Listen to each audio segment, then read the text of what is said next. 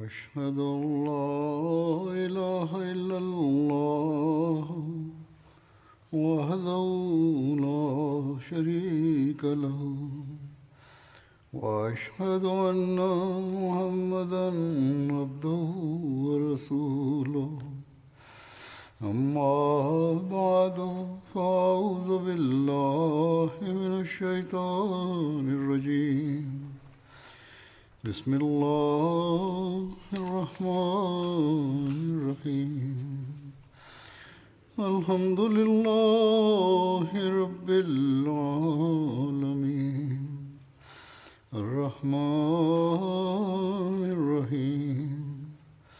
مالك يوم الدين. إياك نعبد وإياك نستعين. اهدنا الصراط المستقيم. صراط الذين أنعمت عليهم غير المغضوب عليهم ولا الضالين.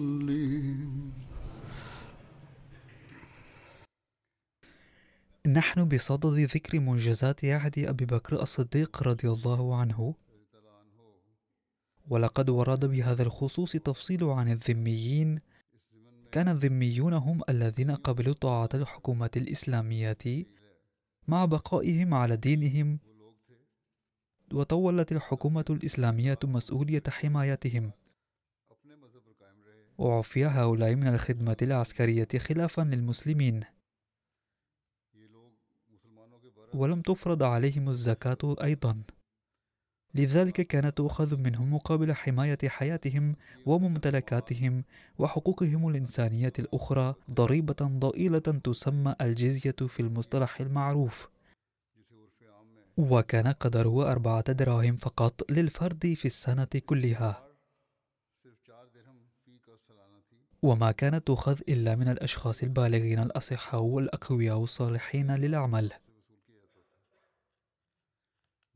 واستثني منها كبار السن والمعوقون والفقراء والمحتاجون والأطفال. بل كان المعوقون والمحتاجون يتلقون المساعدة من بيت المال الإسلامي. خلال فتوحات العراق والشام أصبحت العديد من القبائل والمستوطنات رعايا المسلمين على أساس الجزية. وفي الاتفاقات المبرمة معهم تم وضع البنود التالية أيضاً. لن تهدم أديرتهم وكنائسهم. ولن تهدم أي من حصونهم التي يتحصنون فيها ضد الأعداء عند الحاجة.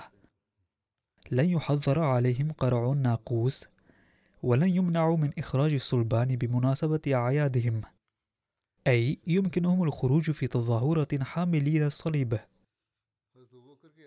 في خلافة أبي بكر الصديق رضي الله عنه كتب خالد بن وليد رضي الله عنه عقد الذمة لأهل الحيرة بالعراق. فقد ورد فيه إضافة إلى أمور أخرى.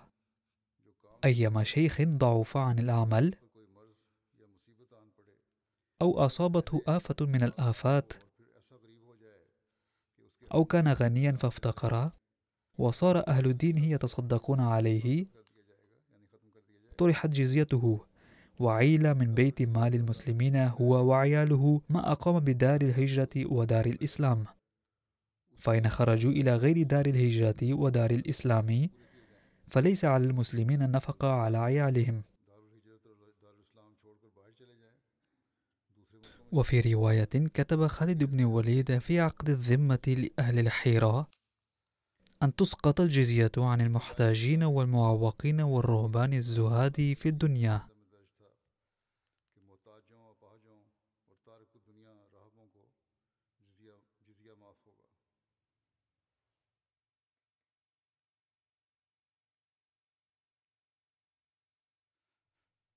ثم هناك منجز عظيم آخر وهو جمع القرآن الكريم الذي تم في عهد أبي بكر الصديق رضي الله عنه. إن جمع القرآن إنجاز عظيم لا مثيل له في عهد أبي بكر. ترتبط خلفيتها بالمعركة مع مسيلمة باليمامة حيث استشهد من المسلمين يومئذ مئتان وألف. وأكثريتهم كبار الصحابة حفاظ القرآن. وفي رواية بلغ عدد الحفاظ الشهداء 700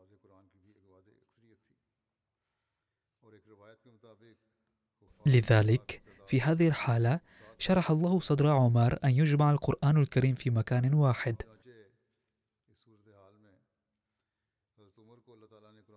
فذكر ذلك لأبي بكر ووردت تفاصيله في صحيح البخاري على النحو التالي. عن عبيد بن السباق أن زيد بن ثابت رضي الله عنه قال أرسل إلي أبو بكر مقتل أهل يمامة فإذا عمر بن الخطاب عنده. قال أبو بكر رضي الله عنه إن عمر أتاني فقال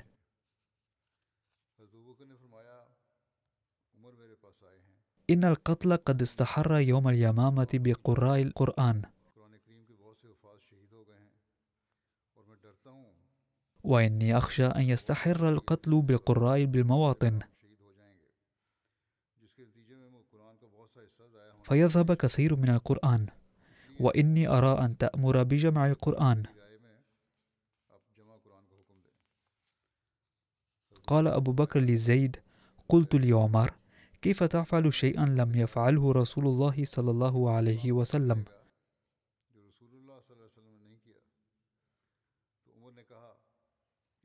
قال عمر هذا والله خير.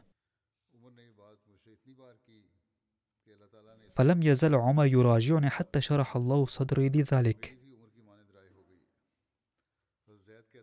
ورأيت في ذلك الذي رأى عمر. قال زيد قال أبو بكر إنك رجل شاب عاقل لا نتهمك. وقد كنت تكتب الوحي لرسول الله صلى الله عليه وسلم. فتتبع قرآن فاجمعه. فوالله لو كلفوني نقل جبل من الجبال ما كان أثقل علي مما أمرني به من جمع القرآن.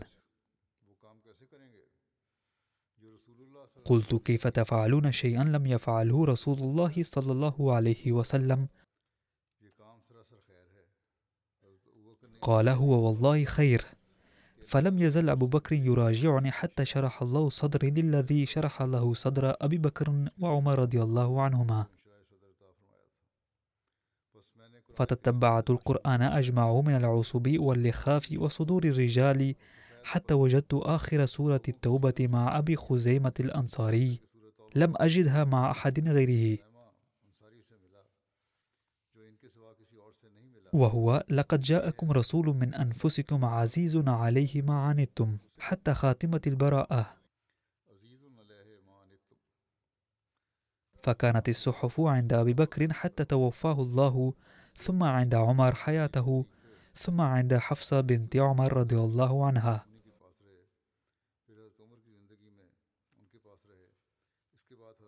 كتب الإمام البغوي في كتاب شرح السنة معلقا على حديث جمع القرآن فقال إن صحابة رضي الله عنهم جمعوا بين دفتين القرآن الذي أنزله الله سبحانه وتعالى على رسوله صلى الله عليه وسلم من غير أن زادوا فيه أو نقصوا منه شيئا.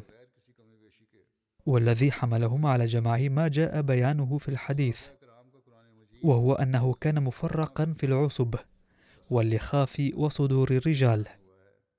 فخافوا ذهاب بعضه بذهاب حفظته. ففزعوا فيه إلى خليفة رسول الله صلى الله عليه وسلم. ودعوه إلى جمعه. فرأى في ذلك رأيهم. فأمر بجمعه في موضع واحد. باتفاق من جميعهم. فكتبوه كما سمعوا من رسول الله صلى الله عليه وسلم من غير أن قدموا شيئا أو أخروه أو وضعوا له ترتيبا لم يأخذوه من رسول الله صلى الله عليه وسلم. وكان رسول الله صلى الله عليه وسلم يلقن أصحابه ويعلمهم ما ينزل عليه من القرآن على الترتيب الذي هو الآن في مصاحفنا. بتوقيف جبريل صلوات الله عليه إياه على ذلك. وإعلامه عند نزول كل آية أن هذه الآية تكتب عقيب آية كذا في الصور التي يذكر فيها كذا. هكذا لقد تم العمل على جمع القرآن في عهد أبي بكر رضي الله عنه. ويقول عن ذلك علي رضي الله عنه رحمة الله على أبي بكر. وهو أول من جمع القرآن بين اللوحين. قال حضرة المصلح الموعود رضي الله عنه في معرض الحديث عن جمع القرآن الكريم. لم يكن قد تم حتى ذلك الوقت إنما هو أن القرآن الكريم لم يكن قد جمع في كتاب واحد. عندما قتل 500 من حفظة القرآن في هذه المعركة أي حرب اليمامة ذهب عمر إلى أبي بكر رضي الله عنهما وقال لقد قتل في هذه المعركة الواحدة 500 من حفظة القرآن. وهناك حروب كثيرة سنخوضها في المستقبل. وإذا قتل حفاظ آخرون ونقصوا فسوف تنتاب الناس شبهة عن القرآن. فمن الأفضل أن تستعجل جمع القرآن في كتاب واحد. فرفض أبو بكر اقتراحه في أول الأمر ولكنه وافق عليه في النهاية. وأمر زيد بن ثابت بالقيام بهذه المهمة وكان يكتب الوحي القرآني لرسول الله صلى الله عليه وسلم في حياته. وجعل عددا من كبار صحابة الرسول لمساعدته في هذه المهمة. كان آلاف الصحابة حفظة القرآن ولكن حشد هؤلاء الآلاف وقت جمع القرآن كان أمرا محالا. فأمر أبو بكر رضي الله عنه أن يجمع النص القرآني من لفافات التي كان القرآن يسجل عليها فور نزوله. واتخذ الحيطة الإضافية بأن أمر بأن يشهد على دقة هذا النص القرآني المجموع وصحته اثنان من حفظة القرآن على الأقل. فجمع النص القرآني المكتوب على الجلود والعظام في كتاب واحد. وشهد على صحته ودقته حفظة القرآن عن ظهر غيب. إذا كان هناك ما يدعو إلى الشك بأن تكون الأخطاء قد تسربت إلى النص القرآني فإنما كان هذا ما بين زمن وفاة الرسول صلى الله عليه وسلم والزمن الذي أمر فيه أبو بكر رضي الله عنه بجمع القرآن في كتاب واحد. ولكن هل يمكن لمن عنده مسحة من الأقل أن يقبل أنه كان صعبا أن يجمع في كتاب النص القرآني الذي كان يقرأ كل يوم والذي كان الحفظة يتلونه على مصام المسلمين بصوت عال في الصلاة في شهر رمضان كل عام؟ والذي كان قد حفظ كله من أوله إلى آخره آلاف الناس. والذي وإن لم يكن قد جمع في كتاب بعد إلا أن عشرات الصحابة كانوا يكتبونه. وكانت فقراته كلها موجودة بصورة مكتوبة.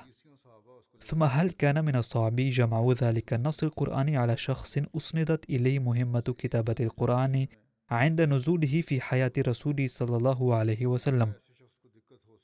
وكان هذا الشخص من حفظة القرآن عن ظهر قلب.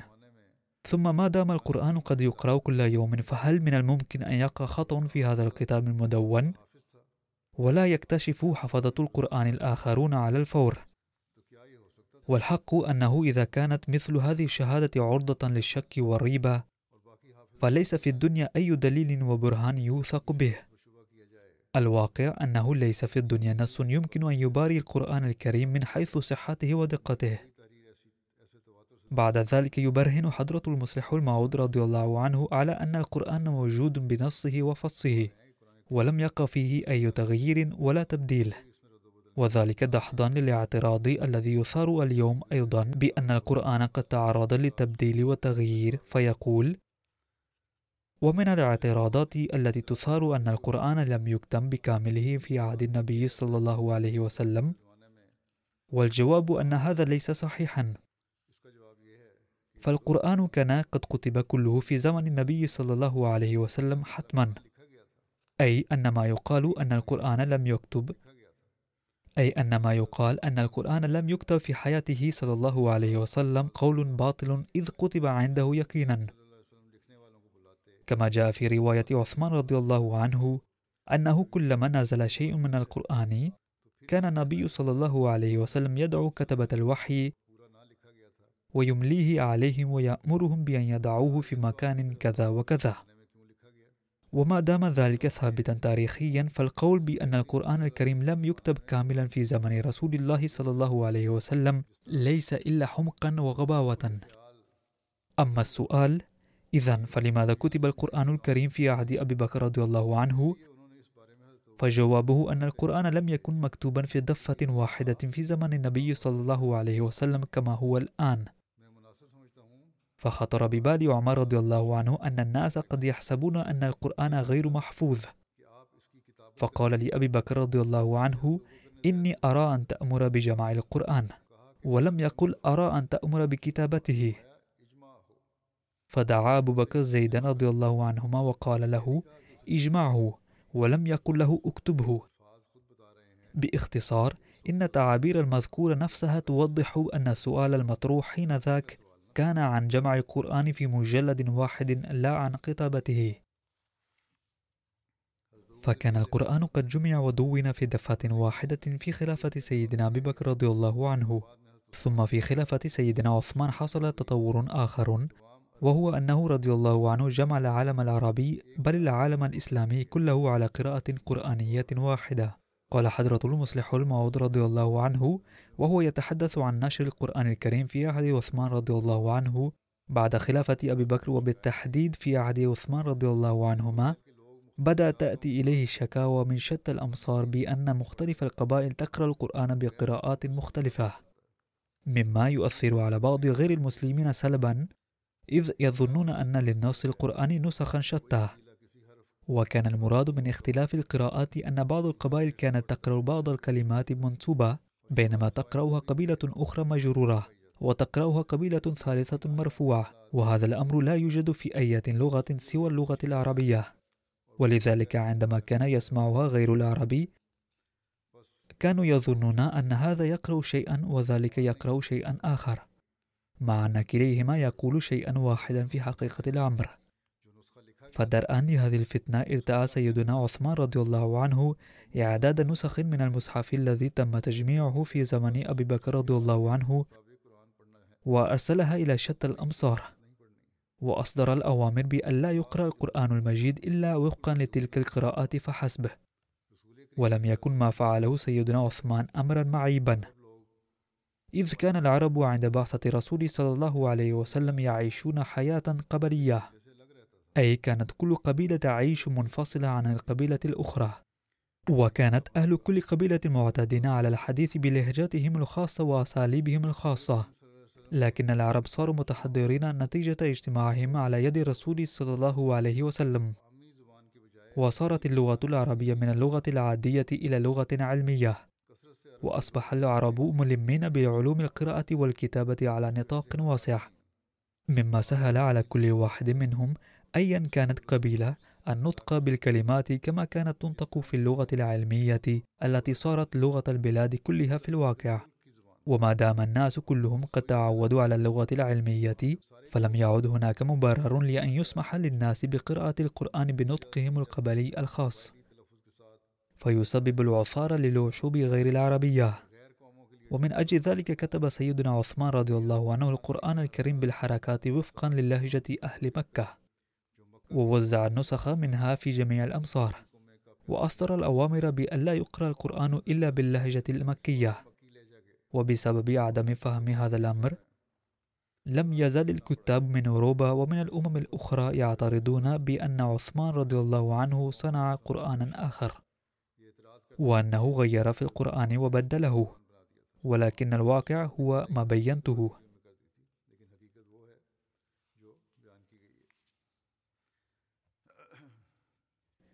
يقول سيدنا المسيح الموعود عليه السلام لا شك أن القرآن وحي متلو وكله متواتر قطعي حتى النقاط والحروف وأنزله الله باهتمام شديد بحراسة الملائكة.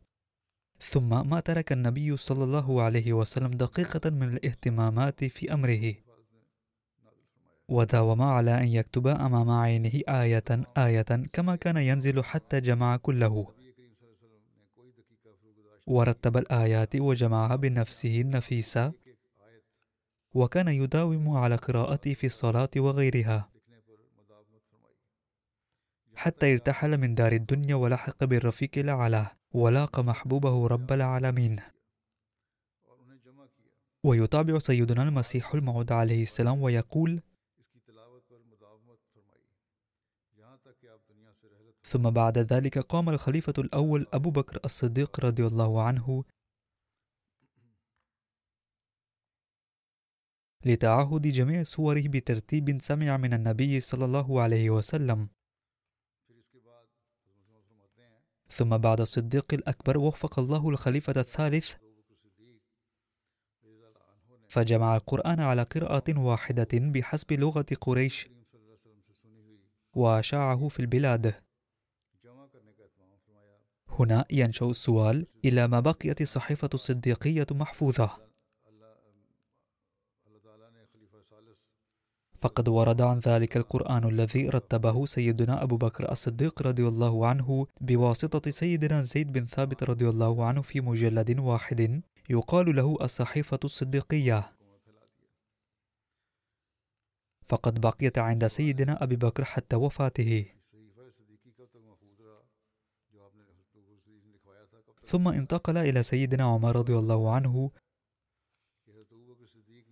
وهو سلمها لأم المؤمنين السيدة حفصة وأوصاها بألا تعطيها لأحد. أما إذا أراد أحد أن ينسخ منه نسخة أو يصحح بها نسخته فيمكن أن يستفيد بها.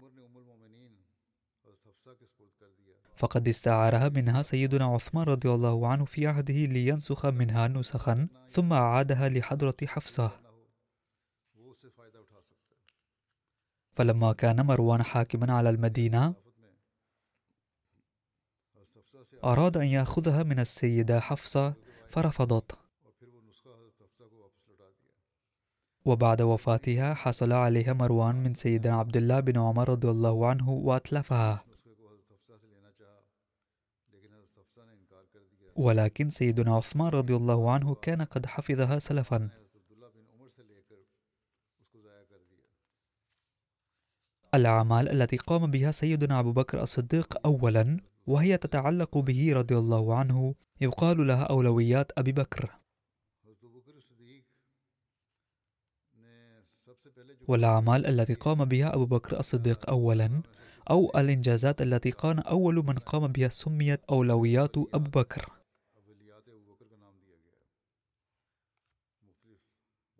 فهي شتى الأعمال التي أنجزها أولا وهو أول من أسلم.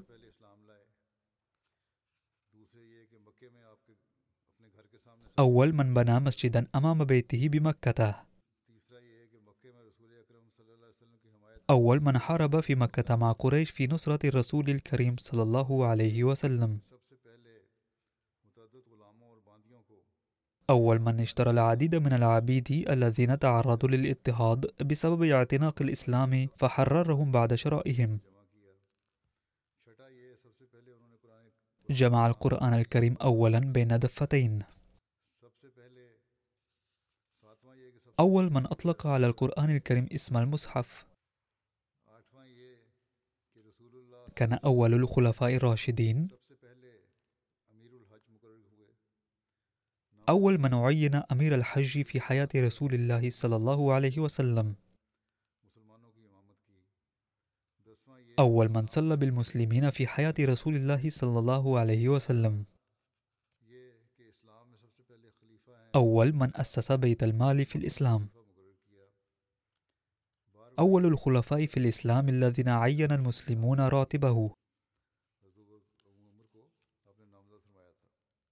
هو الخليفة الأول الذي رشح خليفته فقد رشح سيدنا عمر رضي الله عنه.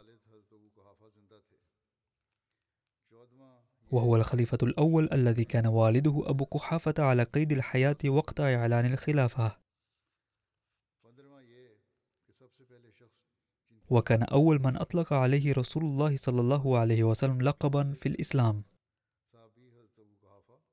أول من كانت لأربعة أجياله صحبة مع النبي صلى الله عليه وسلم والد أبو قحافة أبو بكر نفسه ابنه حضرة عبد الرحمن بن أبي بكر حفيده حضرة محمد بن عبد الرحمن بن أبي بكر.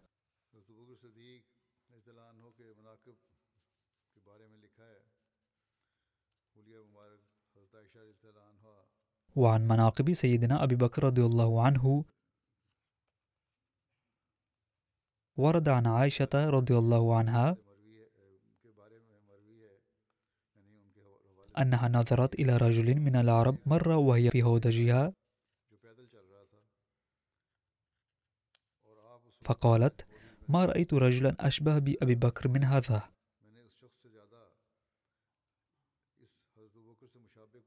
فقال راوي قلنا لها صفي أبا بكر. فقالت رجل أبيض نفيف العارضين. أجنى لا يستمسك إزاره. يسترخي عن حقويه معروق الوجه.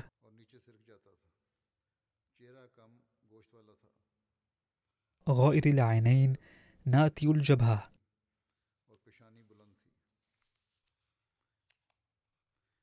وعن ابن سيرين قال سألت أنس بن مالك هل كان أبو بكر يخضب؟ قال فقال نعم.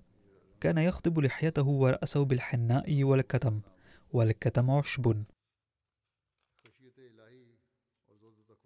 وورد عن خشيته لله عز وجل وزهده وتقواه. لقد أعطى النبي صلى الله عليه وسلم أرضا وأعطى ربيعة بن جعفر وأبا بكر أرضا.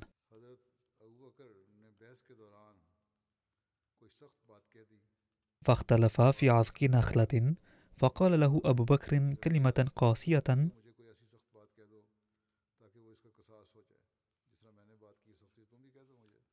ثم ندم فقال رد علي مثلها حتى يكون قصاصا. فأبى. ثم جاء كلاهما إلى رسول الله صلى الله عليه وسلم وقص عليه قصة. فقال لربيعة أجل فلا ترد عليه. ولكن قل غفر الله لك يا أبا بكر. ففعل فولى أبو بكر وهو يبكي. في رواية أن أبا بكر صديق رضي الله عنه رأى طيرا واقفا على شجرة فقال طوبى لك يا طير. والله لوددت أني كنت مثلك تقوى على شجر. وتأكل من الثمر ثم تطير وليس عليك حساب ولا عذاب.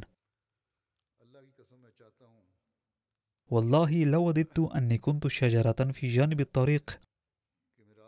مر علي جمل فأخذني وأدخلني فاه.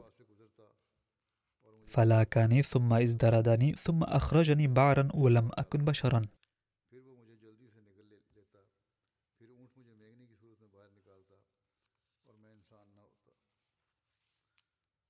يقول سيدنا المصلح الموعود رضي الله عنه في تفسير آية ويقول الكافر يا ليتني كنت ترابا من سورة النبأ. قد ازدادت بعض طوائف المسلمين كراهية للصحابة لدرجة أنهم يقولون إن أبا بكر كان يتلفظ هذه الجملة وقت وفاته فيثبت كفره. أي كان حضرته يردد آية ويقول الكافر يا ليتني كنت ترابا لذا ثبت أنه كان كافرا. نعوذ بالله من ذلك. يتابع سيدنا المصلح الموعود رضي الله عنه قائلا إذا كانت هذه الرواية صحيحة وكانت الآية تتحدث عن أبي بكر فسيكون المعنى نظرا إلى إيمانه رضي الله عنه أن أبا بكر ينكر كلام الكفار ويقول ليت الله تعالى يعاملني بحيث لا يجازيني على أعمال الحسنة ولا يعاقبني على أعمال السيئة. وهذا القول إنما هو قول المؤمن الكامل.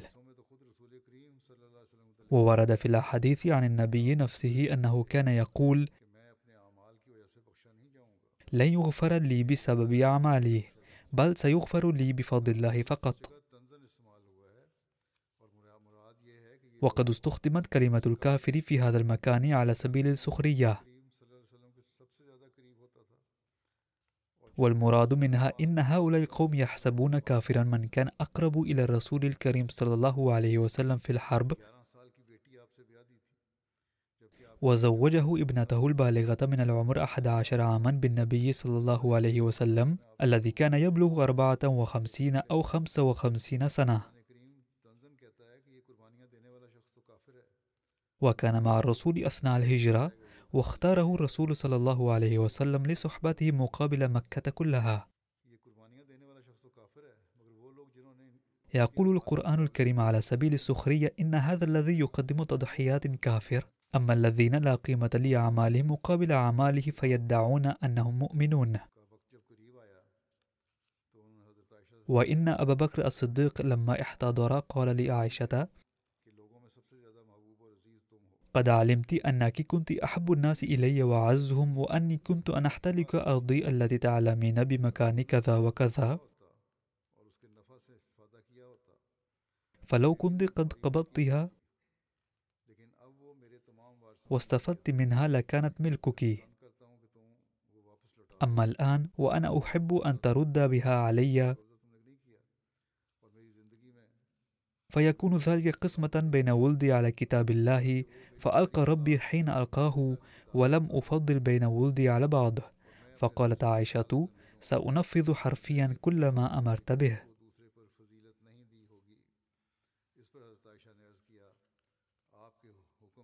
الحادث الذي سأتناوله الآن قد ذكر من قبل أيضا ولكن أريد سرده هنا أيضا ضمن مناقب سيدنا أبي بكر رضي الله عنه. لما استخلف أبو بكر أصبح غاديا إلى السوق وعلى رقبته أثواب يتجر بها. فلقيه عمر بن الخطاب وأبو أبيدة بن جراح فقال له أين تريد يا خليفة رسول الله صلى الله عليه وسلم؟ قال السوق. قال تصنع ماذا؟ وقد وليت أمر المسلمين. قال فمن أين أطعم عيالي؟ قال له انطلق حتى نفرض لك شيئا. ذكر العلامة بن سعد تفصيل هذا المعاش أنه كان يتلقى ثوبين يستبدلهما كلما بلياه وكان يتلقى مركبا عند السفر ويتلقى نفقة له ولعياله مثل ما كان ينفق قبل توليه الخلافة.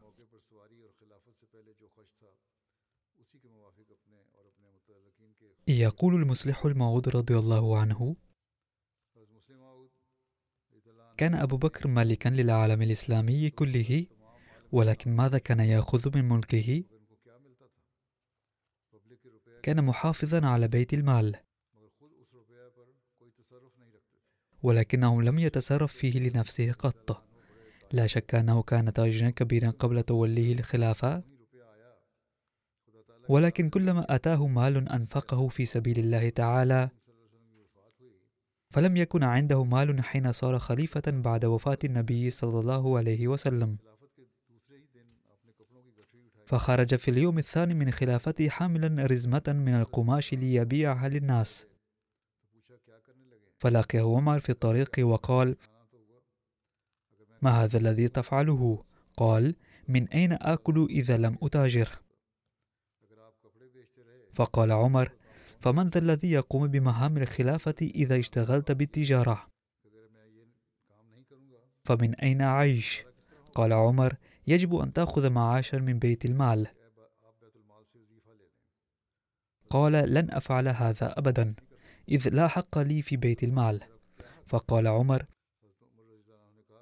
ما دام القرآن قد أجاز الإنفاق من بيت المال على الذين يخدمون الدين فلماذا لا تأخذ المعاش منه؟ ففرض لأبي بكر رضي الله عنه معاش قليل جدا من بيت المال لا يكفي إلا للأكل واللباس. عن ابن أبي مليكة قال كان ربما سقط الخطام من يد أبي بكر صديق رضي الله عنه. قال فيضرب بذراع ناقته فينيخها فيأخذه. قال فقالوا له أفلا أمرتنا نناولكها؟ فقال إن حبيبي رسول الله صلى الله عليه وسلم أمرني ألا أسأل الناس شيئا. سمع النبي صلى الله عليه وسلم مرة كلام بعض الناس في المسجد الذين كانوا يقولون بما يفضل أبو بكر علينا إذ نكسب نحن أيضا الحسنات التي يكسبها هو. فلما سمع ذلك النبي صلى الله عليه وسلم قال يا أيها الناس لم يفضل أبو بكر بالصلاة والصوم بل بالبر الذي يكتنف قلبه. أي أن البر الذي يزخر به قلبه والحب الذي يكنه قلبه لرسول الله صلى الله عليه وسلم يجعله أفضل منكم. ولا يقتصر الأمر على ما في قلبه فقط هو يعمل أيضا بذلك. يقول المسيح الموعود عليه السلام شارحا آية قرآنية. قال الله تعالى اعبد ربك ما لم تتسنى لك مرتبة اليقين الكامل. وتزول الحجب والأستار المظلمة كلها وتعلم أنك لم تعد كما كنت من قبل. بل هناك ملك جديد وأرض جديدة وسماء جديدة وصرت أنت أيضا خلقا جديدا. هذه الحياة الجديدة هي التي تسميها صوفية البقاء. عندما يصل الإنسان إلى هذه الدرجة تنفخ فيه روح الله وينزل عليه الملائكة. هذا هو السر الذي بسببه قال النبي صلى الله عليه وسلم عن أبي بكر رضي الله عنه ما معناه إذا أراد أحد أن ينظر ميتا يمشي على الأرض فينظر إلى أبي بكر رضي الله عنه. إن مرتبة أبي بكر ليست نتيجة الأعمال الظاهرية فقط بل نتيجة ما في قلبه.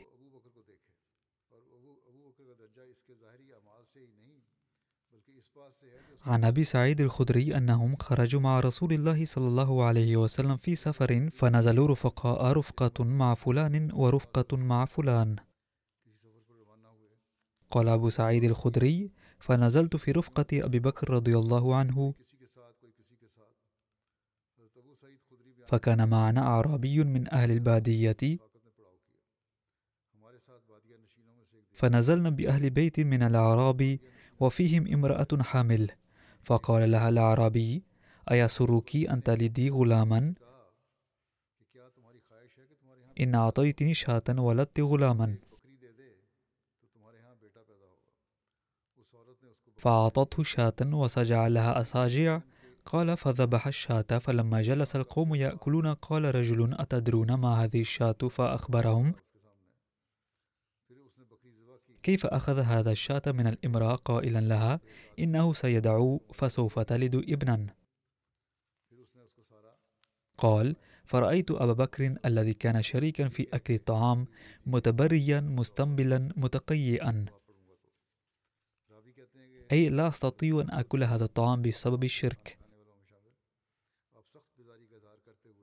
عن عائشة رضي الله عنها قالت كان لأبي بكر غلام يخرج له الخراج وكان أبو بكر يأكل من خراجه فجاء يوما بشيء فأكل منه أبو بكر فقال له الغلام أتدري ما هذا؟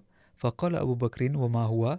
قال كنت تكهنت لإنسان في الجاهلية وما أحسن الكهانة إلا أني خدعته فلقيني فأعطاني بذلك فهذا الذي أكلت منه كان هذا الغلام يأتي بطبيخ هدية في بعض الأحيان.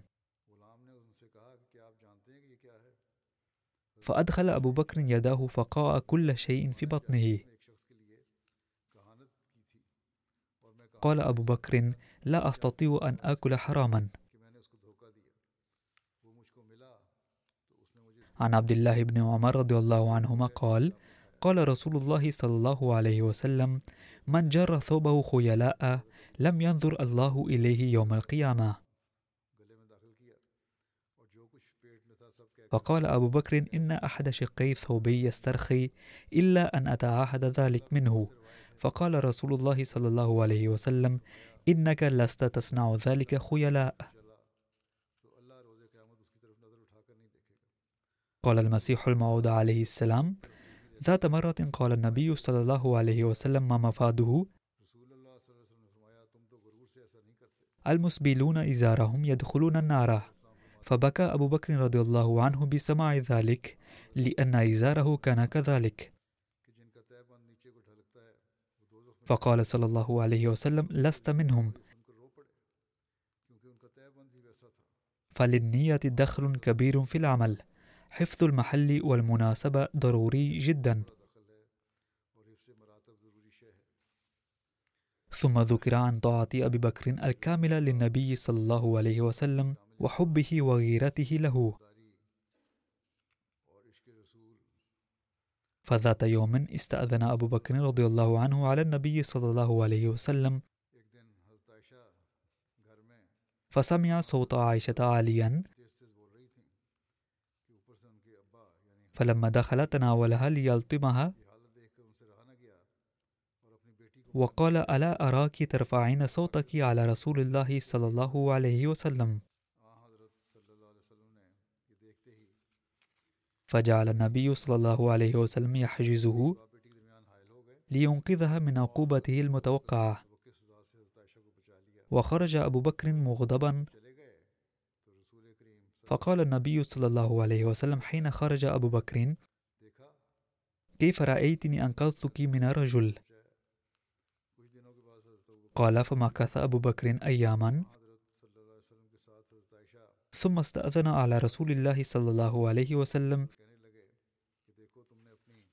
فوجدهما قد استلحا فقال لهما أدخلاني في سلمكما؟ كما أدخلتماني في حربكما؟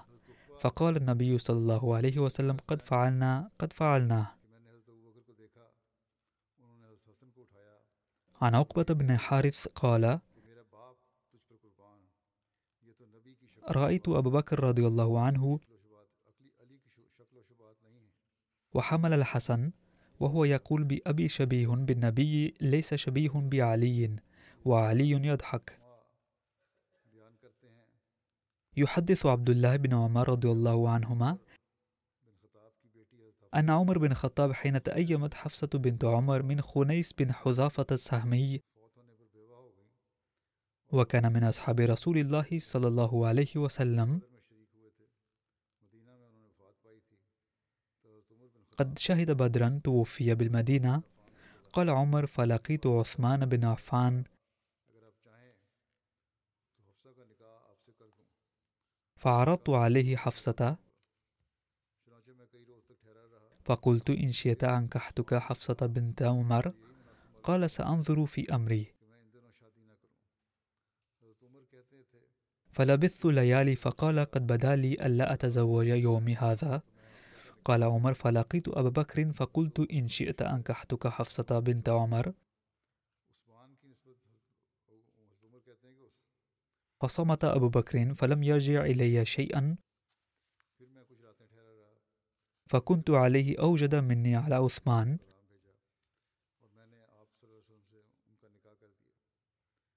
فلبثت ليالي ثم خطبها رسول الله صلى الله عليه وسلم. فأنكحتها إياه فلقيني أبو بكر فقال لعلك وجدت علي حين عرضت علي حفصة.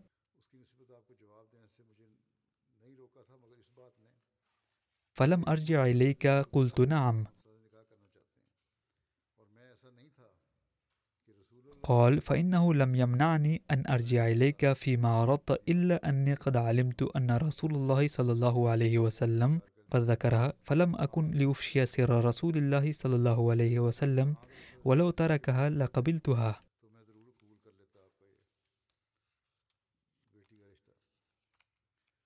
ورد عن تقدير علي رضي الله عنه لأبي بكر رضي الله عنه.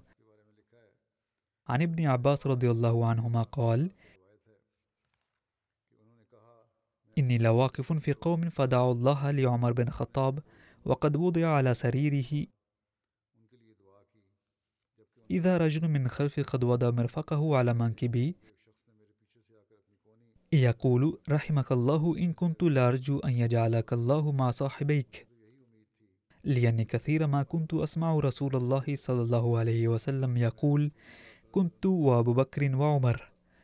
وفعلت وأبو بكر وعمر وانطلقت وأبو بكر وعمر. وإن كنت لأرجو أن يجعلك الله معهما فالتفت فإذا هو علي بن أبي طالب. وما بقي من ذكري سأذكره لاحقا إن شاء الله تعالى.